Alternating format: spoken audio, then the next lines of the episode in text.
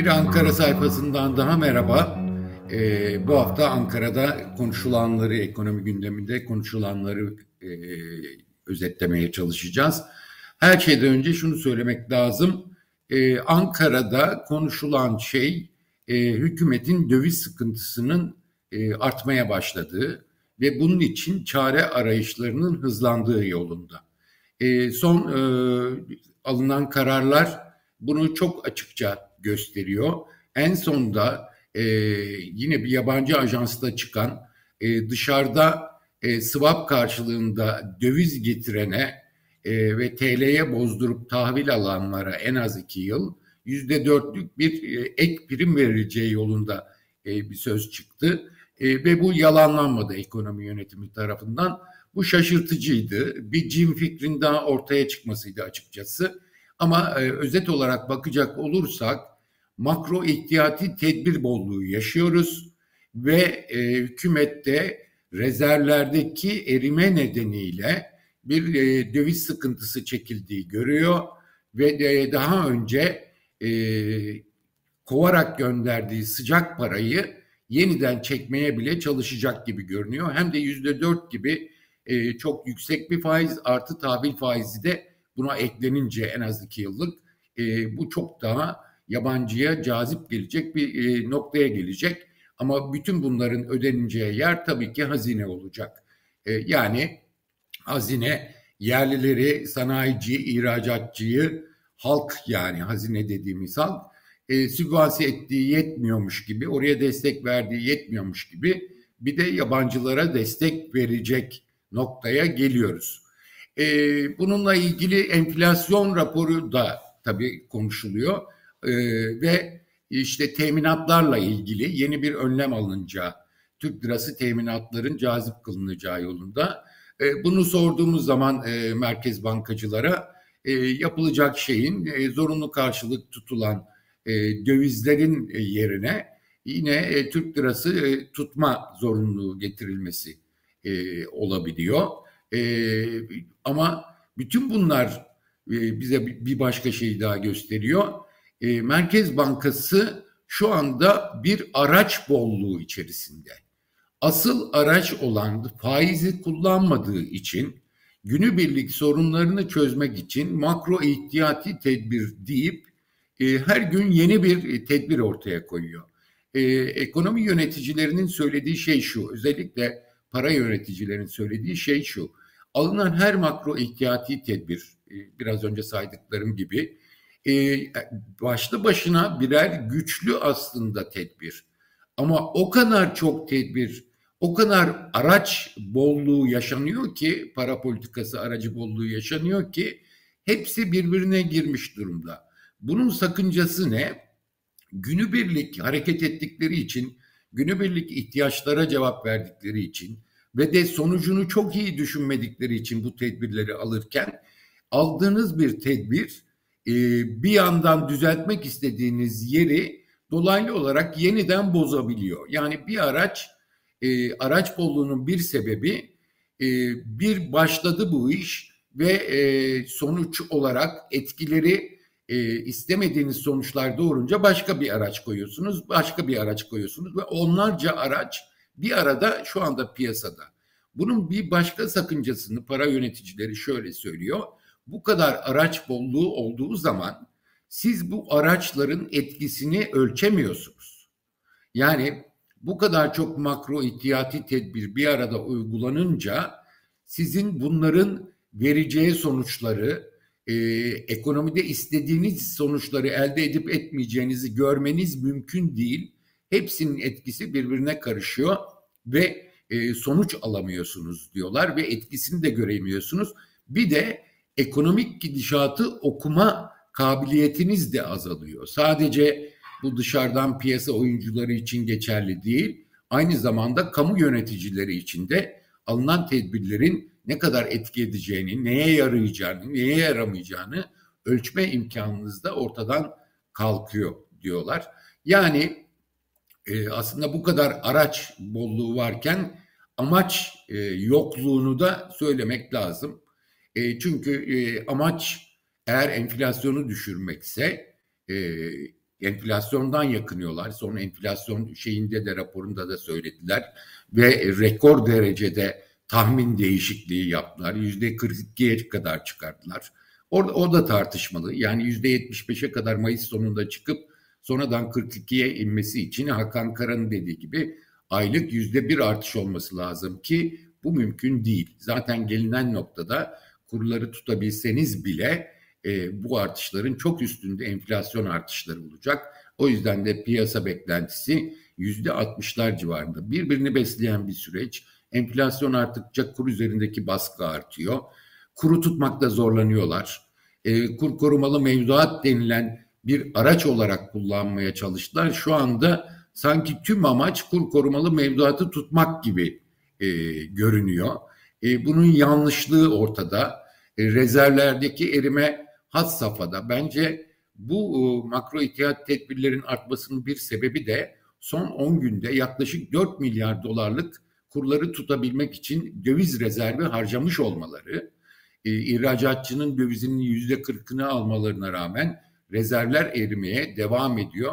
Sürekli e, kamu bankaları kanalıyla müdahale etmek zorunda kalıyorlar.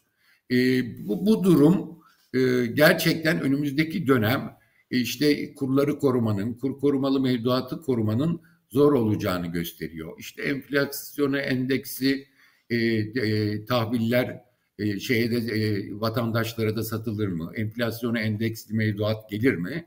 Tüm bunların tartışılmasının bir sebebi de bu. Bunların her biri de çok büyük zararlar yaratacak bir şey.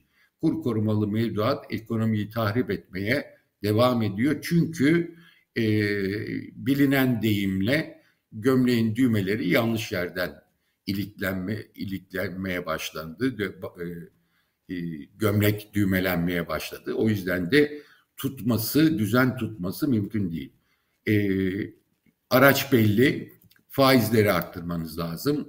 Ama faizleri arttırmıyorlar. Bunun yerine kredi faizlerini, ticari kredi faizlerini bile arttırma yolunu seçiyorlar.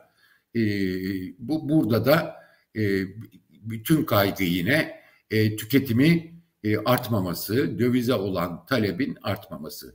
Bu noktada ikinci konu e, Nurettin Nebati, Bakan Nebati'nin İSO, e, İstanbul Sanayici Odalarına sistem etmesi. 150 milyar e, liralık %9 faizli 10 yıla kadar geri ödemeli, 2 yılı geri ödemesiz. Burada da bahsetmiştik daha önce. İstanbul Sanayi Odası'nda bunu konuştu ama tepki gelmeyince de akşam uyuşukluğu dedi sanayicilere. E, baktığınız zaman e, bu sözlerine bir alkış geldi ama cılız bir alkıştı. E, bu çünkü enflasyondaki artış bütün sanayicileri mağdur etmeye başladı. İşletme sermayeleri bozulmaya başladı. E, ticari kredilerdeki e, artışın bir sebebi işletme sermayelerini arttır, arttırmak içindi. Şimdi burada da kısıyor. Bir de e, düşündükleri şöyle bir şey var. Konuştuğumuz iş adamları da söylüyor.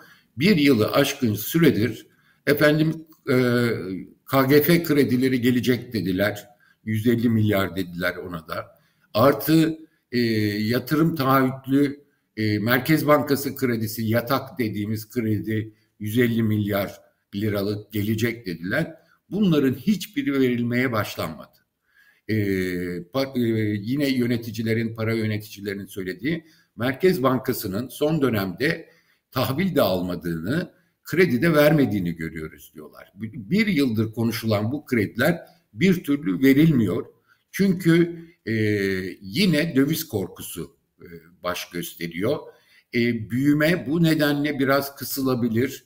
Cumhurbaşkanı bunu e, kısıldığını görürse Nisan'dan itibaren e, ikinci çeyrekte yine bunun için gaza basabilir. Bütün bunlar önümüzdeki e, gündemde var. Ama e, sanayiciler de, ihracatçılar da, turizmciler de konuşulduğunu ama bu kredilerin verilmediğini söylüyorlar. E, ve bu yüzden de ve müjde diye her seferinde söylediklerinin artık gerçekleşmesini bekliyorlar. Yani akşam rehaveti, akşam uyuşukluğu değil e, sanayicilerin tepkisizliği. E, bunun adı olsa olsa güvensizlik olur. Orada da görünen bu. Ve bu güvensizlik önümüzdeki dönemde daha da artacak gibi özellikle ihracatçılar tarafından e, kurla ilgili sıkıntılar e, dile getirilmeye başlanmıştı. Yüzde 40 ihracat dövizinin alınması e, giderek zorlanmaya başlayacak ve e, bu şikayetlerin önümüzdeki günlerde yine artmasını bekliyoruz. E, burada asıl sıkıntı dediğimiz gibi e, normal faiz artışına izin verilmemesi. Bunu e, para yöneticilerinin söylediği şu, e, yani ticari kredileri bile pahalandırmaya çalışıyorsunuz. Risk oranlarını arttırıp bunun verilmesini engellemeye çalışıyorsunuz. Halbuki asıl araç olarak mevduatta şu anda duran paralara asıl e, faiz vermeniz lazım ki otomatik olarak e, bu şey olsun, e, kontrol edilebilsin. Ama bunun yerine neden mevduat faizlerinde mesela 14 artı 3 kur korumalı mevduattaki o üçlük sınırın kaldırılmadığını hiç kimse anlamış değil. Yani neden bunu yapmıyorlar? E, hala e, muamma e, halini koruyor. E, burada inat ediyorlar. Bunun yerine başka yollarla sürekli bozarak şey yapıyorlar. Artı dövizle ilgili o kadar e, kredi faizleri hala o kadar düşük ki alabilen için e, krediyi e, bazı iş adamlarının buradan kredi alıp döviz borçlarını ödedikleri de söyleniyor. Dolayısıyla e, döviz sıkıntısını arttıran önlemler yaşadığımız bir gerçek ama e, bu sıkıntı nereye kadar sürecek, ne kadar idare edebilecekler o da ayrı tartışma konusu. E burada da yeniden bir seçim tartışması gündeme geliyor. Özellikle e, Kavala'yla ilgili e, müebbet hapis ağırlaştırılmış müebbet, hapis verildikten sonra e, acaba e, ekonomi çevrelerinde de Ankara'da siyasi çevrelerde de konuşuluyor. Acaba yeniden sertleşen bir ortama sokup e, Ekim-Kasım gibi bir e, seçim mi yapacak Cumhurbaşkanı? Böyle bir niyeti mi var diye konuşuluyor. E, bu konuda tahminler değişik. E, Kavala ile ilgili olarak bunun bir şahsi mesele olduğunu söyleyenler var. E, bir politika değişikliği olmadığını e, Selahattin Demirtaş ve Kavala konusunda Cumhurbaşkanı'nın şahsi bir kini bulunduğunu söyleyenler var. Bu yüzden bu saçma sapan e, hukuka uygun düşmeyen kararların alınmasının zorlandığını söyleyenler var. Buna karşılık bir kısmı da e, sertleşme olacak ve e, kutuplaşmayı arttırarak seçime gitmek isteyecek e, şeklinde konuşuyorlar. Ama e, seçimlere gitmek için, gidip gitmeyeceğini görmek için bence e, örneğin asgari ücrete e, yıl ortasında zam yapılıp yapılmayacağı önemli göstergelerden biri olacak. Memurlara, işçilere verilecek zamlar önemli göstergelerden biri olacak. Eğer çünkü bu ücret zamları e, düşünün 75'e kadar çıkacaksa Mayıs sonunda enflasyon e, verilen asgari ücret erimiş olacak. Buna zorlanacak siyasi olarak hükümet ama verecek mi vermeyecek mi? E, bu tek başına tabii gösterge olmaz. E, bu seneye seçimin alınıp alınmadığını göstermez. Ama e, burada zorlanacağı kesin. E, bunun ayrıca e, enflasyonu daha da arttırıcı rol oynayacağı da kesin.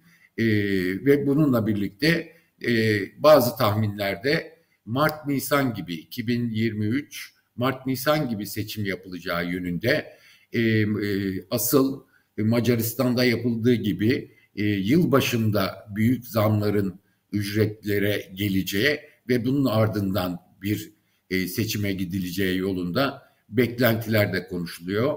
Özetle yine e, seçim e, konuşuluyor. Erken ya da zamanında e, Türkiye ekonomisi bir seçim satımı halinden bir türlü çıkamıyor. Bu da bir sürü dengeleri e, belirsizliği arttıran önemli bir unsur oluyor. E, yanlışta ısrar ediyor özet olarak e, Cumhurbaşkanı ve e, ekonomi ekibi bu yanlışta ısrar ediyorlar. E, politika faizini bırakın mevduat faizini bile arttırmıyorlar. E, bir yandan da bankaların kredi vermesini e, sınırlayıp e, belli ki bütçe açıkları çok büyüyecek. Buraya kaynak aktarmaya çalışacaklar. Artı e, bunu dövizle e, son e, çıkan haberde olduğu gibi belki bunu dövizle de yapmaya çalışacaklar. İçerideki e, bütçenin açıklarını halletmeye çalışacaklar. Ama giderek sıkışılıyor. E, hem kur korumalı mevduat hem kuru korumak bu döviz rezervlerine rağmen e, bu sarmalın giderek sıkıştığını söylemek mümkün. E, heyecanla e, işte bu ne zaman patlayacak, patlayacak mı, patlamayacak mı, seçim ne zaman olacak? Belli ki bu yazı bu tartışmalarla geçirecek gibi gözüküyoruz. Ee, Ankara'dan bu hafta aktaracaklarım bu kadar.